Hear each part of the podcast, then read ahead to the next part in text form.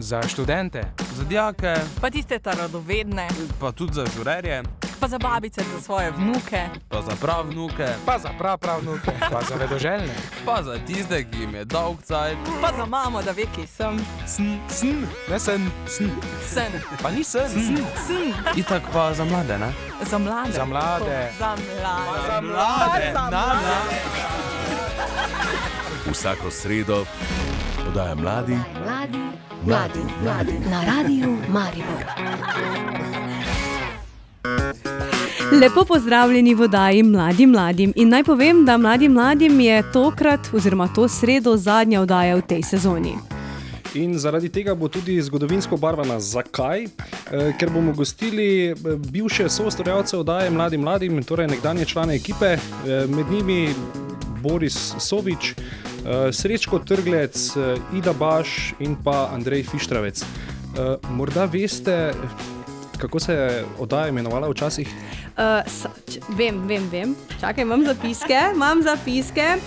Uh, študij in glasba. E, bravo, petka. Bravo. pa tudi mladi za mlade se še imenovala vmes. A, no, vidiš, trojka. Okay. Uh, razmišljamo Odlično. o kakšnem novem naslovu? Ne? Ne, ne, Za enkrat še ne. Okay. Danes pa med drugim nas lahko tudi vidite na Facebook strani Mladim Mladim, radijska oddaja in na Facebook strani Radia Maribor, tako da če se pomahamo, se vidimo. Zdravo, Zdravo. Zdravo. Frajersko, ne. Za tehniko danes skrbijo Boštjan Figoš, Tomaš Pirš in Domen Permoser. Pazi, lučka. Ker mene je full strah. Štrckanje s kulicami dovoljeno pod mizo. Telefone izklopimo, ker če zvonijo. Joj, kaj to je? Pazi, snemamo. Nadaljujemo. Mladinska oddaja Mladi mladim. Znova lepo pozdravljeni v oddaji Mladim mladim. Danes zadnji oddaji v tej sezoni. Z nama v studiu je naj gost, magister Boris Sovič. Lepo pozdravljeni. Srčno pozdrav. E, tudi vi ste nekdaj ustvarili našo oddajo. Zato me zanima, kako ste sploh prišli k tej oddaji. Povabili so me znanci, ki so uh, že na radiju delali, Franci Kržan, Zmago Eichmajer, uh, in so pravzaprav rekli: napiši, ne, povej. Takrat sem bil zelo angažiran v študentski organizaciji in uh, imeli smo veliko projektov in smo ocenjevali, da je res pomembno, da širši javnosti povemo, kaj delamo. Borili smo se za študentske domove, za uh, kredite, za štipendije, uh, borili smo se za položaj študenta. Ne, In radio je bil v tem smislu pomemben. Sporočali smo lahko svoje stališča širši javnosti. Kako pa je izgledala takrat oddaja? Je bila med tednom umeščena za vikende, ste jo delali v živo, je bila posneta vnaprej? Eh, oddaja se je delala med tednom. Eh, jaz sem sodeloval v oddaji na dva načina. Najprej kot pisec kratkih tekstov, kratkih novic. Te sem pač napisal naprej in jih poslal, in jih potem pač speaker prebral v studiu. Kasneje sem pa postal študent prorektor Univerze v Mariboru in takrat sem pa bil dosti krat povabljen v oddajo kot gost, da pač povem, kaj delam, kateri projekti tečejo in da odgovarjam na vprašanja, ki so bila povezana s študentsko problematiko. Omenili ste studio je prostor, v katerem smo v tem trenutku drugačen, kot je bil desetletja nazaj? Jaz bi rekel, gospa, eh, bi rekel svetovna leta. To je popolnoma druga tehnologija. Eh, vse je zdaj digitalno, takrat je bilo vse analogno, eh, tudi gabarit studia je zdaj drugačen. Čas gre pač naprej in tu bi rad posebej podaril Radio Maribor in tudi RTV Slovenija, sta bila trendsetterja tudi na področju tehnologije, uporabe tehnologij. Recimo Radio Maribor je bil, mislim, da prvi v tem delu Evrope, ki je predvajal preko radijskih valov računalniške programe, ki so jih lahko potem uporabniki posneli. Ne? To je bilo v tistih začetnih fazah uporabe mikroračunalništva. Mm. E, tako da mislim, da so vsi, ki danes delajo v tem radiju, lahko ponosni na temelje, ki so izgradile prejšnje generacije. In na zadnje, prej smo omenili besedo nagra. Aha. Kaj, Kaj pomeni to? Je? Nagra je bila odlična naprava, uporabljali so jo profesionalni novinari, to je, bila, to je bil magnetofon. Proizvajalec, mislim, da je bil švicarski proizvajalec, vrhunski proizvajalec. Sveda si danes to težko predstavljamo, tisti magnetofoni so bili v velikosti manjšega kočka, ne? na trakove, seveda. Ne? Vse to, kar je bilo takrat v tistem kočku, gre danes v vem, konico eh, svinčnika, ne? ker je pač tehnologija tako napredovala, računalništvo, eh, miniaturizacija. Ne? Tako da je danes, seveda, so popolnoma druge generacije. Eh, Z kom vse pa ste ustvarjali oddajo? Eh, Ste bili študen zgolj študenti ali tudi dijaki? E, Takrat so se izmenjevale študentska in mladinska eh, redakcija. Aha. Jaz sem sodeloval pač v študentski. Študentski. Torej, ločeno je bilo. E, ja, ampak so se potem novice dosti krat tudi prepletale, ker so bile podobne stvari. Recimo štipendijska politika se je tikala in študentov in dijakov. Ne? E, končno tudi politika dijaških in študentskih domov. Takrat smo se zelo borili za to gradnjo eh, domov, da bi se zgradilo čim več domov za študente in dijake. Vse te stvari so se pa bolj prepletale, tudi dosti stvari, ki so bile povezane s prostim časom, se je prepletalo. Se spomnite mogoče takratnih sodelavcev? Eh, Ja, Franci Kržan je bil tukaj, Zoran Biložerič. Zoran Biložerič je bil tisti, ki je med prvimi začel predvajati računalniške programe, eh, zmago Eichmajer, seveda. Ne. Torej, vsi vi ste ustvarjali v isti sezoni oddajo. Eh, V daljšem obdobju ne, se, so se ta imena pojavljala, seveda mnogi drugi. Jaz mislim, da je skozi to redakcijo šlo mnogo kasnejših znamenitih imen, recimo v, na področju novinarstva. Ne. Nekateri smo bolj odjadrali tudi v politiko in v druge sfere. E, To je ena zelo dobra kovnica rekel, in, in rekel, prostor razvijanja sposobnosti, kreativnosti. Ne? In z tega vidika tudi za vas danes mislim, da je to izjemno zanimiva izkušnja in bo gotovo vam prišla prav tudi kasneje. Pa se vam je tekom ustvarjanja oddaj pripetila kakšna anekdota, trenutek, ki vam je ostal v spominu in morda živi tam še danes? Ma, največji izziv recimo, pri ustvarjanju v tej oddaji ne, je bil ta, da si vedno vedel, da imaš zelo malo časa na razpolago in si v tisto malo časa moral dati čim več vsebine. Ne. In ta, uh, iz, ta izziv, da moraš na kratko povedati eh, rekel, nekaj, kar je rekel, pomembno, ne, je zelo koristen tudi za kasneje. Ne. Torej, ti se moraš zelo potruditi. Ja, ti se moraš zelo potruditi, da ti nekaj kompliciranega v čim krajšem času poveš. In z tega vidika je radijska izkušnja izjemno eh, zanimiva, ker radio ne prenese ne nekih dolgih eh, rekel, govoranc, ne, ampak mora biti kratek, jasen, jedrnat. In z tega vidika je ta izkušnja neprecenljiva. Lepo je slišati vaše izkušnje. Izkušnje se mi zdi, da je, so kot nekakšna motivacija za vse nas. Uh, zanima me, si želite še kdaj stopiti pred mikrofon? Evo, že zdaj sem tukaj in sem zelo Mogoče v ponosen. drugi vlogi, če bi Eh, zamenjali zelo- vloge. Zelo ponosen. Eh, Moram reči, da je ravno Radio Maribor me tudi, ko sem kasneje bil župan, enkrat povabil, da sem pomagal moderirati eno silvestrsko oddajo. In to Aha. se mi je zdela krasna izkušnja in eh, Radio Maribor, težko rečeš ne. Morda pa vas pot še kdaj zanese v našo stavbo. Um, Let's hope for the best. zdaj pa najlepša hvala, gospod magistr Borisovič. Hvala za vaš čas. In za vse napotke. In uh, kaj bi rekla, veselim se, ekipa, kje bomo pristali, ne? Bomo videli. Poti so neskončne, upamo pa, da se čez desetletja tudi mi oglasimo s tako bogato kariero, kot jo imate vi. In pa do naslednjič. Lepa hvala in res vse, vam in vsem poslušalkam in poslušalcem želim vse dobro. Najlepša hvala. Lep pozdrav. Pazi, lučka. Ker mene je full strah. Štrckanje s kulicami dovoljeno pod mizo. Telefone izklopimo, ker če zvonijo. Joj, kako je to je? Pazi, snemamo. Nadaljujemo. Mladinska oddaja mladim mladim. Lepa, lahko gremo. Lepo pozdravljeni nazaj v oddaji Mladim mladim. In z nama v studiu, oziroma z nami v studiu, pa je že današnji drugi gost in sicer gospod Srečko Trglec, bivši, bivši sodelavec RTV oziroma odgovorni urednik Radia Maribor. Gospod Trglec, lepo pozdravljeni. Lep pozdrav. Eh, Zanima nas, kako vas je ponesla pot ravno na radio, na Radio Maribor. Kdaj ste sploh začeli? Mislim, da je bilo to, ko sem končal prvi letnik eh, študija novinarskega, sem nekje iskal prakso, eh, morali smo imeti obvezno prakso, pa sem nekje hodil enkrat po Mariboru, eh, gledal malo pri večeru, potem pa Tejana Koroško zavil na radio, me nekako bilo simpatično in sem tam povprašal. In tako sem prišel na prakso. Se pravi, komaj v prvem, eh, vidim, da se zdaj že veliko ljudi že v srednji šoli sreča s tem. Jaz sem se komaj takrat eh, po prvem letniku študija in potem sem dve, tri leta ostal kot tak občasno honorarni sodelavec, tako kot ste vi zdaj. Potem pa se je zgodilo, da sem se kar redno zapisal temu, tako da sem praktično od vsega začetka bil na Radio Maribor. Kako se spomnite vaših začetkov pri oddaji Mladim mladim?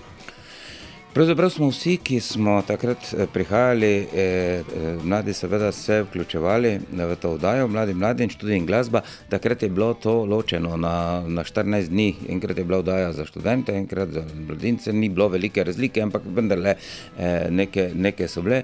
In eh, praktično je bilo to eno tako področje, kjer smo se lahko spoznali s tem radijskim delom, spoznali z novinarstvom.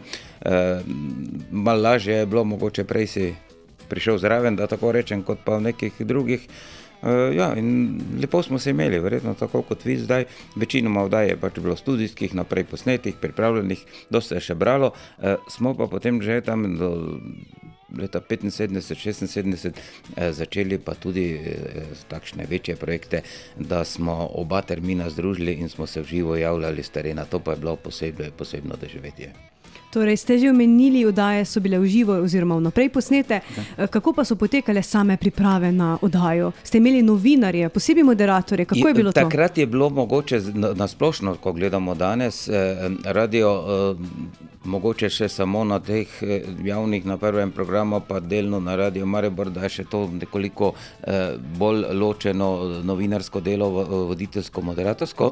Prej je bilo to bistveno bolj, ne? smo bili eh, v bistvu bravci, voditelji, ki so brali prispevke in posebej novinari, ki niso v živo nastopali pred mikrofonom, dosti bolj je bilo to ločeno, zdaj je to bistveno bolj dinamično, drugače povezano, ne prav.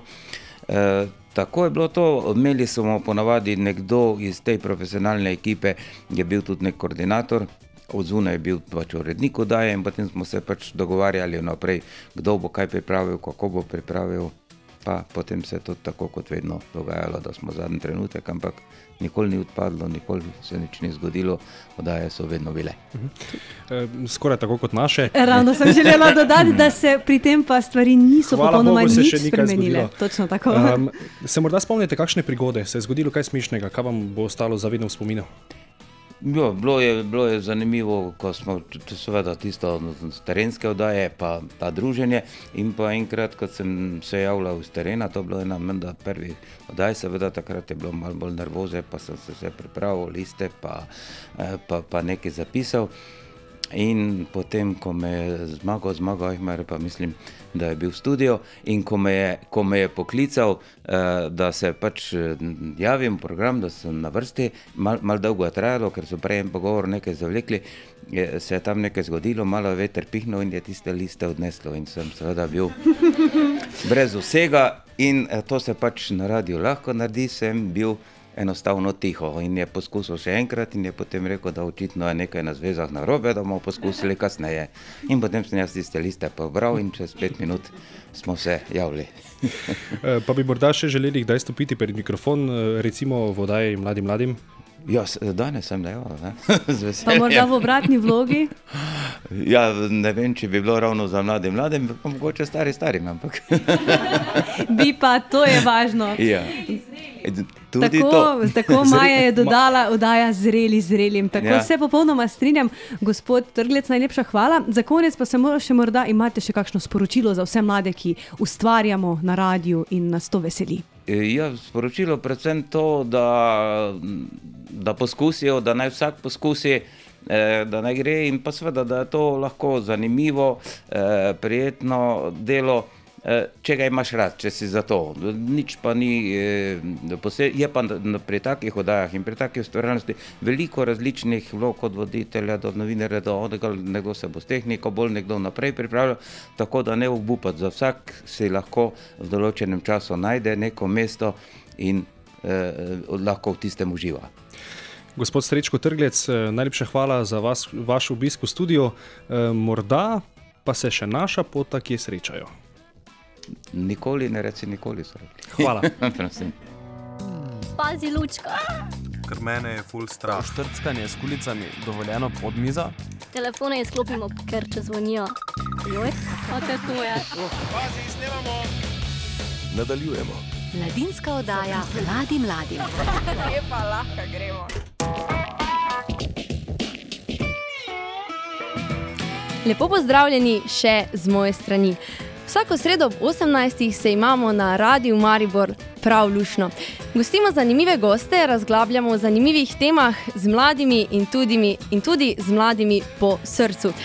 Pogovarjala sem se z Ido Baš, dolgoletno voditeljico mladinske radijske oddaje. Kaj pravi Ida Baš, si pa poglejmo. Najraje se seveda spominjam prav tega vhoda na radio.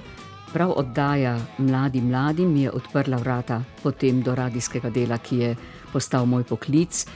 Sicer pa ja, leta 69 sem prvič brala, takrat nismo moderirali, ampak brali, oddajo, naslov je bil Mladinski radijski klub Mladim mladim in urednik je bil Franci Kržan in on nam je napisal scenarij, točno vse, kako morajo stvari potekati. Je pa seveda lušna prigoda, ki sem jo že veliko krat povedala, kako sem prišla do tega, da sem sploh lahko bila na uh, radiju. In sicer me je eh, gospod Franci Kržan, je bil en tak, eh, študiral je že in je bil en tak uglajen gospod. Jaz sem bila takrat eh, 16-letnica. On je bil na enem koncertu zunaj na Rotoškem trgu, v črni obleki, v beli srajci in z očali, tako temnimi, kjer nisi videl oči skozi. Ne? Jaz sem napovedovala za naš pevski zbor, mladinski pevski zbor Maribor, moj znanec je pa drugi zbor napovedoval. In uh, jaz sem temu znancu že pred leti rekla, leti, leto, dve nazaj, sem rekla, jo, jaz bi takrat, kdaj na radiju delala, perikoviške. Ne potrebujemo nikogar za napovedovanje, lahko pa kaj napišeš, pa kot novinarka sodeluješ. Pa sem rekla, ne bi, jaz bi govorila, ne bi pisala. Pa je rekel, ja, tega pa ne potrebujemo, sem rekla, v redu. No in ta gospod v črnem s temi očali. Jaz pridem z odra in on pristopi k meni in pravi: Škaj, dekle, ti imaš pa prijeten glas, bi ti prišla na audicijo na radio. In jaz ga pogledam in sem mislila, da me zafrkava. Pa sem rekla, ne vem, ne. In sem se obrnila, v tem pa pride ta prijatelj, za katerega sem pa vedela, da dela na radiju že, na dinski oddaji. In se z njim začne pogovarjati, in jaz hitro pristopim zraven in rečem: O, zdravo, zvone, to je bil zvone lebar. Sem mislila, zdaj bo mogoče pa okaj steklo. Pa pravi tale Franci Kržan, pravi, veš kaj zvone, tale ima pa dober glas, mogoče bi jo pa povabili, glede na to, da bo ta napovedovalka, ki jo imamo zdaj, kmalo nehala z napovedovanjem. No in tako sem prišla na audicijo, jo opravila, eno leto brala mladinske oddaje, potem pa so me že povabili k branju oglasov in čestitk. In tako so se vrata odpirala do leta 1971, ko sem bila redno zaposlena. Ida pravi, da je lep in prijeten glas le začetna osnova, potrebno pa je še veliko drugega. Bodite to, kar ste, bodite preprosti, sproščeni, vendar upoštevajte vsaj temeljne zapovedi slovenskega jezika. Samo to. Neke napake se pojavljajo v oddajah ne samo v vaši, ampak tudi sicer v programih, radijskih programih. Nekaj temeljnih reči je potrebno upoštevati. Seveda, pri naglasih bo zagotovo, bomo štajerci imamo nekoliko drugačne, kot imajo v drugih delih Slovenije, pa vendar tu ne bi bilo nič narobe. S tem pa ne pomeni, da morate postati tako, kot smo mi bili takrat. Mi smo strogo brali, nas so učili brati točno kako in kaj. Je pa res, da je krasno, če nekaj prebereš, da prebereš logično. Temu se danes tudi ne posveča prav veliko pozornosti, žal. Ej, pazi, rdeča lučka, pozor, snemamo vse to, mi imamo tudi smok v grlu. Pravijo, da kdo dela, ta se tudi zmoti. Kaj pa pravi Ida? Oh, seveda sem se. Zmotila sem se, uh, tremo sem imela veliko krat. Vsakič, ko sem sedla pred mikrofon in se je prižgala rdeča lučka, ki je dala znak, zdaj pa gre za res, me je stisnilo. Mm, zdaj pa moram biti dobra. Tudi zato, ker nekaj let na začetku, torej ni samo eno leto, ampak nekaj let, sem imela strogo mentorico, kar na radiju Maribor, ki je poslušala vse oddaje. In je po oddaji poklicala in rekla: Pridi malo sem, glej, tole pa tole pa tole je bilo narobe, to popravi. In takrat sem si mislila, da eh, morajo obstajati tako tečni ljudje na tem svetu. Ampak kasneje sem spoznala in danes sem jih hvaležna in njej in drugim mentoricam, ki so mi pomagale, zato ker sem se veliko naučila, sicer se ne bi nikoli, ne, če bi me pustili govoriti tako, kot pač sem na začetku recimo, govorila. Preteklost je za nami, kaj pa prihodnost, kako bo z radijem in kaj meni Ida? Se bojim, da bo vseeno ti elektronski mediji, da bodo prevladali in da ne bomo več toliko poslušali radia, ne boste več, no, mi ne vem, kako bo z nami. Tudi ne vem, koliko zdaj mladi res poslušate samo radio, koliko ne poslušate že posnete glasbe z YouTuba, kakšne skladbe, ki so vam všeč, govori včasih že kar obremenjujoč, zdaj že kar pri nekaterih. Recimo mladih 40 in čez, ki rečejo: Pa ne bom poslušal govora, glasba me zanima. Glasbo pa lahko poslušaš, mi smo jih včasih poslušali na gramofonskih ploščah, potem na kasetah in potem na CD, teh zgoščenkah. Ne? Jaz sem se letos na radiju naučila veliko, veliko napak, veliko dobrega. Kaj pa se je naučila Ida? Naučilo me je biti odgovoren, biti takrat, kadar je potrebno, zbran. In vedno se pripraviti. Nikoli ne pojdi pred mikrofon, če nisi nekajkrat razmislil o tem, kar boš govoril, če seveda govoriš brez pisne predloge. Če pa bereš, potem moraš pa še toliko krat več prebrati prej, zato da možgani ozavestijo vsebino, potem ti pomagajo prebrati vsebinsko dobro. In če tega ne delaš, se mi zdi, da ne daješ sebe. Je pa res, da jaz sem vedno rada dajala poslušalcem in seveda posledično gledalcem, če sem pač prireditev povezovala. Tako mimiko obraza, kot gestikulacije, kot seveda z glasom podati neko vsebino, ni enostavno govoriti, ne vem. Melodično, dolgočasno, brez intonacije, kar nekje tako, da ljudje že bolj spijo kot ne. Skratka, vse te stvari sem pridobila in meni se zdi to velika stvar. Za dijake, za žurerje, za študente, za vedoželjne, za vedre. Kdaj? Zdaj. Mladi, mladim. No, jaz pa sem se pogovarjal z dr. Andrejem Fištravcem, ki te dni vodi Dijaški dom Maribor. Radijsko ustvarjanje pa je začel najprej na Radiu Študentu Ljubljani, kasneje pa je sodeloval tudi pri ustanovitvi takratnega mladinskega radia Maribor, ki je danes znan kot Mariborski radio študent. Prve izkušnje je pridobival na časopisni hiši Večer. Večer je bila sigurno bila, bila šola, ob tem pa, da bi rekel, zelo tako pomembna šola pa za mene je bila ravno ta oddaja, ker sem potem tam razne komentarje, pa take, malo sem za to svojo sociološki študij pa to izkoriščal. Urednica oddaje, tudi moja punca takrat, ne. Pa ona je z roko na srce tudi edina bila sposobna moje tekste prebrati. Imel sem strašno dolge povedi in to je bil problem za neveščega bralca. No, danes oddaje snimamo in montiramo na računalniku, prispevke pa snimamo na diktafone. Smo imeli mi kako težavo, včasih morda z njimi? Uh, jaz imam še vedno, mislim, vedno napačno luknjo, taknem pač slušalke ali pa mikrofon. Da. da o nivojih glasnosti ne začnemo. Ja, to Točno tako. tako. No, včasih so snemali, to smo že slišali s snemalnikom, ki se mu je reklo Nagra. Um, no, kako je to bilo včasih?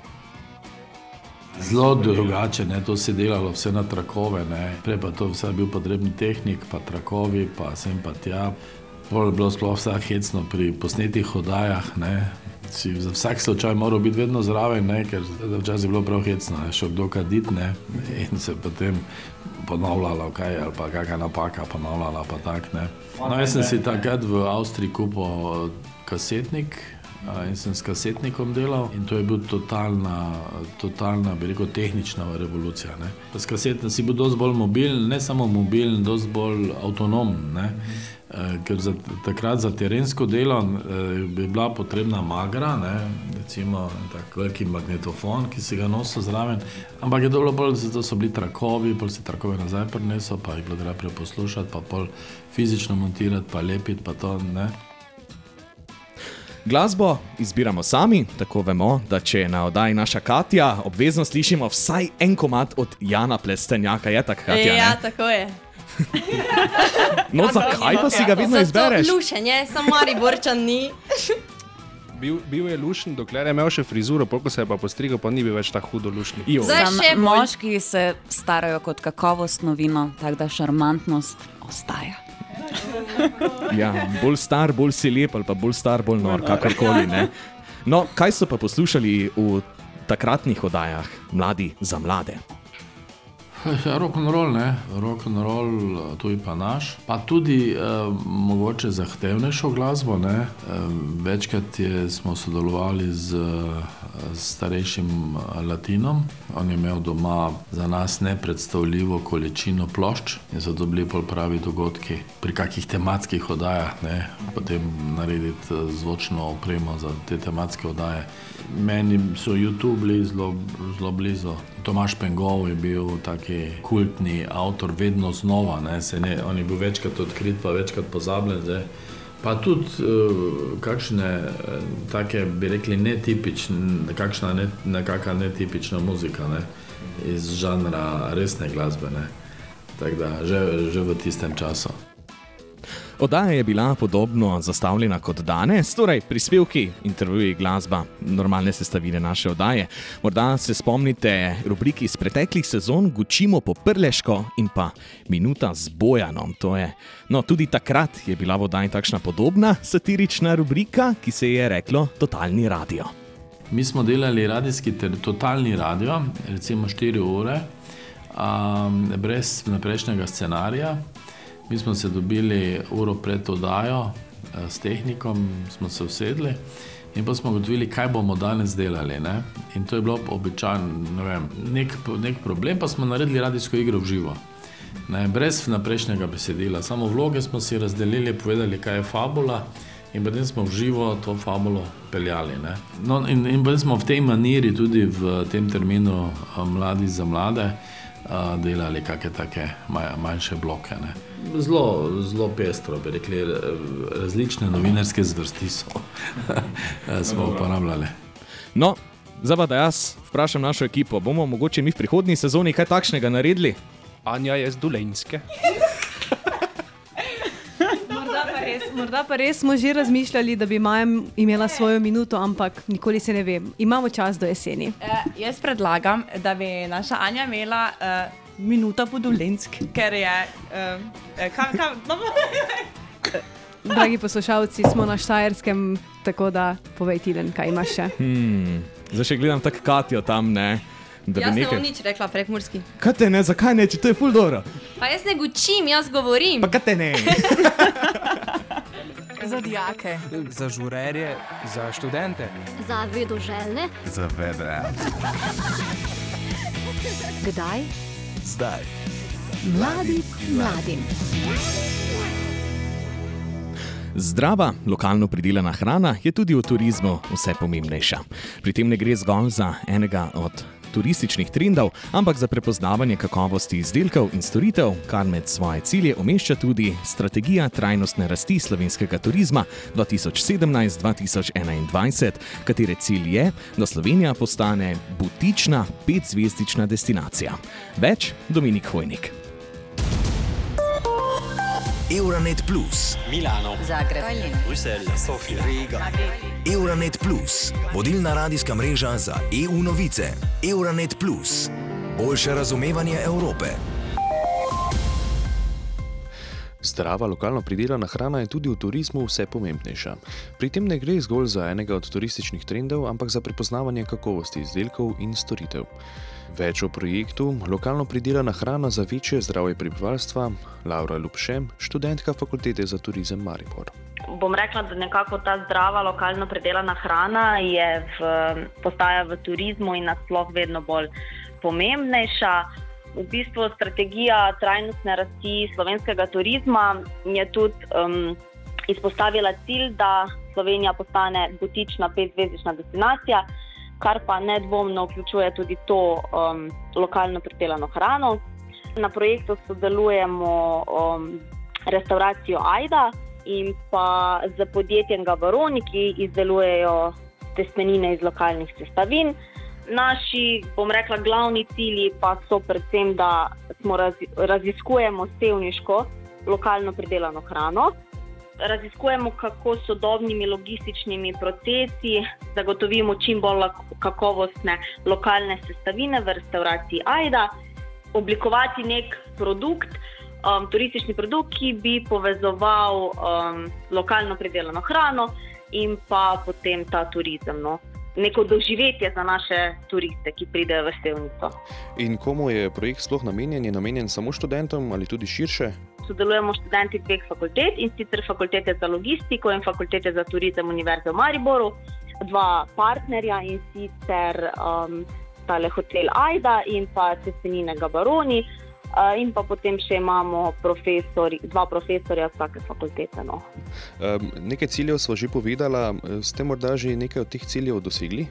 Um, ja, mi smo že čisto na koncu svojega projekta, v juliju zaključujemo svoj projekt, tako da imamo 14. julija um, zaključno predstavitev, tako da ja, smo že res čisto pri koncu, zdaj še urejamo neke zadnje bom rekla, podrobnosti. No. Eh, kje lahko preberemo kaj več o tem projektu? Trenutno še ne, ker izdelujemo sedaj zaključno poročilo. Konec julija bo na voljo to zaključno poročilo, kjer bodo lahko vsa javnost in vsi prebrali, kaj smo dejansko naredili. Sedaj pa zaenkrat še nimamo nekega konkretnega izdelanega. No. Euronet Plus, Milano, Zagreb, Bruselj, Sofija, Riga. Euronet Plus, vodilna radijska mreža za EU novice. Euronet Plus, boljše razumevanje Evrope.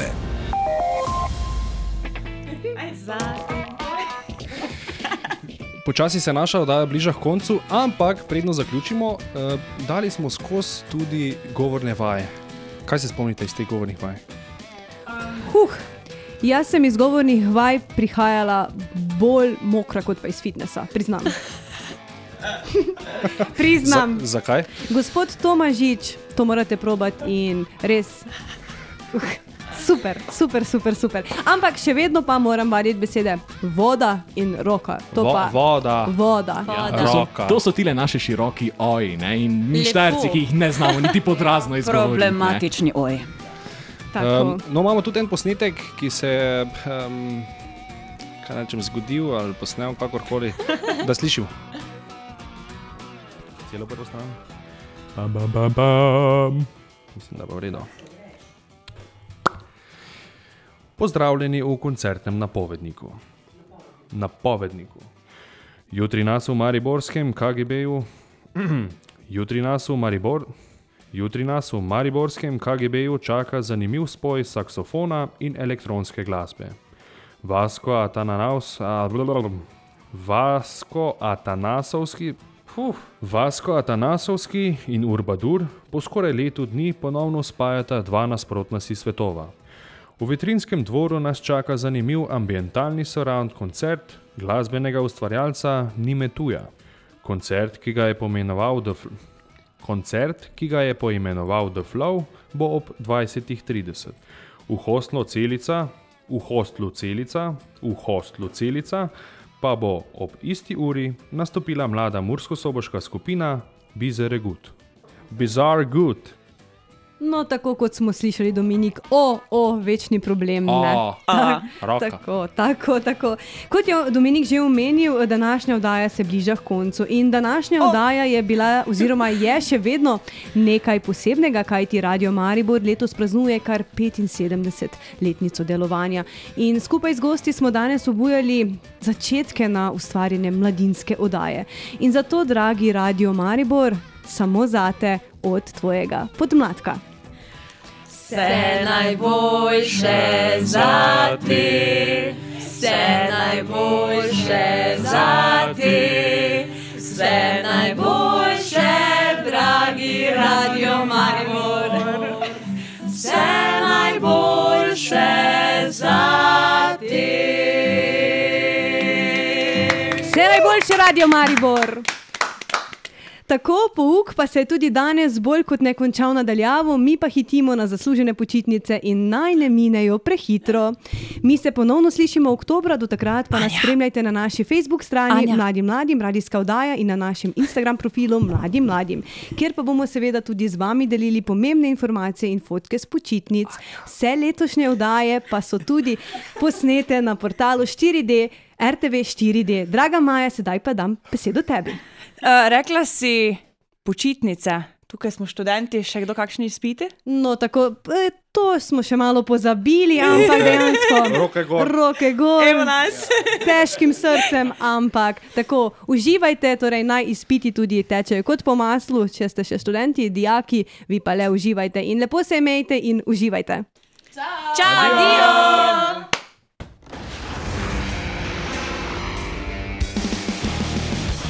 Podaja mladi, Mladi, mladi, mladi na radiju Maribor.